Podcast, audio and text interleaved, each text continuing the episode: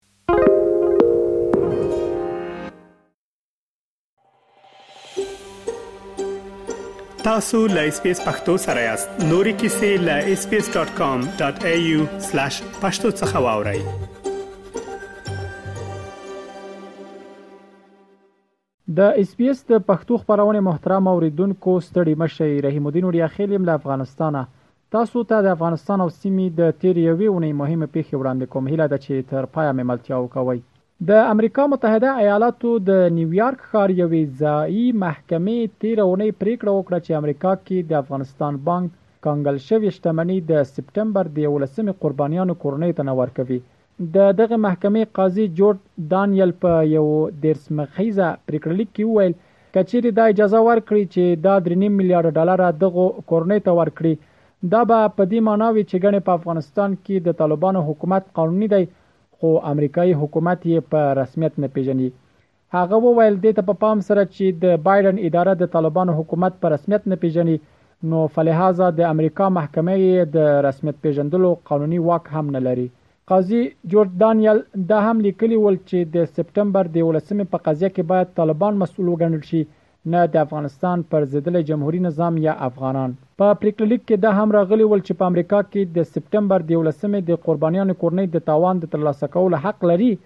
خو دا کار د افغانستان بانک په پیسو نشي ترسره کېدلای. د عارضو وکیلانو یا د هغه کورنیو کسان چې د سپټمبر د یولسمې د پېښې د تاوان غوښتنه لري ویلي چې دا پرېکړه به په لوړه محکمه کې وننګوي. د طالبانو تر کنټرول لاندې د افغانستان بانک بیا له دغې پرېکړې هرکلی وکړ او ویې ویل چې د افغانستان شتمني د افغانانو پانګه ده او د قانون مطابق د افغانیو د پولي ثبات او د مالي سیستم د پشتوانې لپاره په نړۍ کې ترې ګټه پورته کېږي. د تېر کال د سپټمبر په وروستیو کې د بایډن ادارې د افغانستان بانک اووه میلیارډه ډالرو کنګل شوې شتمني دوه برخې کړه. درې نیم میلیارډه یې سویس کې د افغانستان فنډ په نامه د پیسو تازه جوړ شوي صندوق ته وسپارله او پاتې درې نیم میلیارډه ډالره نوره هغه یې د سپټمبر د یولسمې د برید قربانیانو کورنۍ ته بېله کړې وه ترڅو د محکمې له پرېکړې وروسته یې دوی ته ورکړي. خو اوس چې محکمې د قربانیانو کورنۍ ته د نه ورکولو پریکړه کړې، معلومه نه ده چې له دې وروسته به له دغو پیسو سره څه کیږي.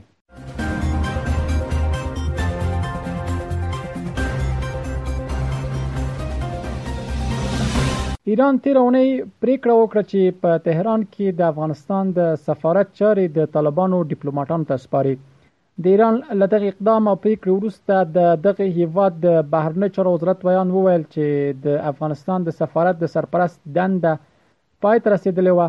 نو ځکه پر ځای یې دغه سرپرستی ته نوی کس معرفي کوي هغه وویل چې دا کار د ایران له لوري د طالبانو د رژیم رسمیت پیژندلو په معنا نه ده هغه دا هم وویل چې د افغانستان سرپرست حکومت سره د تعامل په اړه د ایران په پخواني دریځ کې کوم بدلون نه دی راغلی خو یو شمېر رسنیو بیا په تهران کې د افغانستان د سفارت د یوې سرچینې له قوله وویل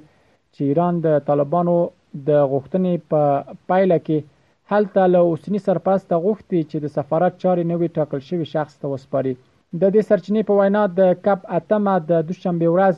د سفارت د چارو سپارل کېدو نیټه ټاکل شوې ده په هغه مکتوب کې چې د طالبانو د بهرنیو چارو وزارت لوري خپور شوی وو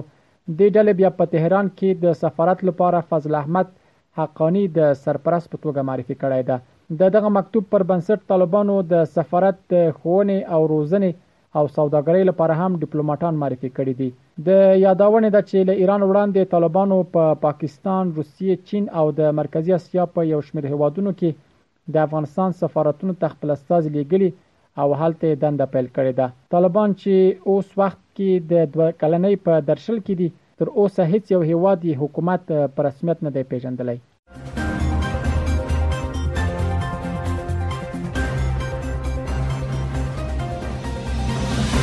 د پاکستان د دفاع وزیر خواجه اصف په مشرۍ یو پلاوی تېره اوونۍ کابل ته راغلی و. په دغه پلاوي کې چې د خواجه آصف سربېره د پاکستان د آی اس آی مشر جنرال ندیم انجم، د افغانستان لپاره د پاکستان ځانګړی استازی صادق خان او د کابل لپاره د دغه هېواد سفیر عبیدالرحمن شامل وو، د طالبانو د رئیس الوزرا له اقتصادي مرستیال ملا برادر او ځینو نورو چارواکو سره یې لیده کاته وکړل د طالبانو ویاند ذبیح الله مجاهد وویل چې په دې ناسته کې د دواړو هیوادونو لوریو پر امنیتي اندېښنو د افغانستان پر فضا د ډرون الوتنو د مخالفو وسلوالو په فعالیتونو او یو شمېر نور مسایل خبرې وکړې هغه دا هم وویل چې له پاکستاني پلاوي سره په کتنه کې د دواړو هیوادونو ترمنځ د تفاهم لاره د اقتصادي اړیکو پر پراختیا هم ټینګار وشو د پاکستان د بهرنیو چارو وزارت هم په یوه ټویټ کې ویلي ول چې د دفاع د وزیر په مشرۍ یو پلاوی کابل ته تللی و او هلته یې له طالب چارواکو سره پر امنیتي مسایلو او له ترهګرۍ سره د مبارزې پر لارو چارو خبرې وکړې. خو ورته وخت کې انګېرنې دا دي چې ګڼې طالب چارواکو افغانستان ته د پاکستاني پلاوي د سفر اصلي موخه پټه کړه ځکه اسلام اباد غواړي چي پاکستاني طالبانو باندي فشار راوړي تر څو خپل پسرلني عمليات اعلان نه کړي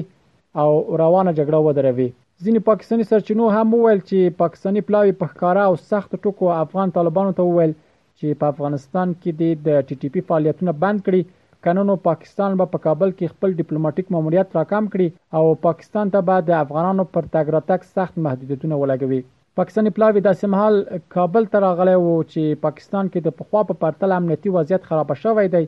چې د ډیری پیښو مسولیت پاکستاني طالبان مني هغه ډله چې د پاکستاني چارواکو په ګمان په افغانستان کې خوندي پټنځایونه لري خو طالبان بیا هر ځل د پاکستاني چارواکو تر دا شان ادعا وروسته افغانستان کې د ترهګرو شتون رد کړی او دا ډاډ یې ورکړی چې هیڅ چاته د دې اجازه نه ورکوي چې د افغانستان خاوره د بل هیواد پر ضد وکاروي.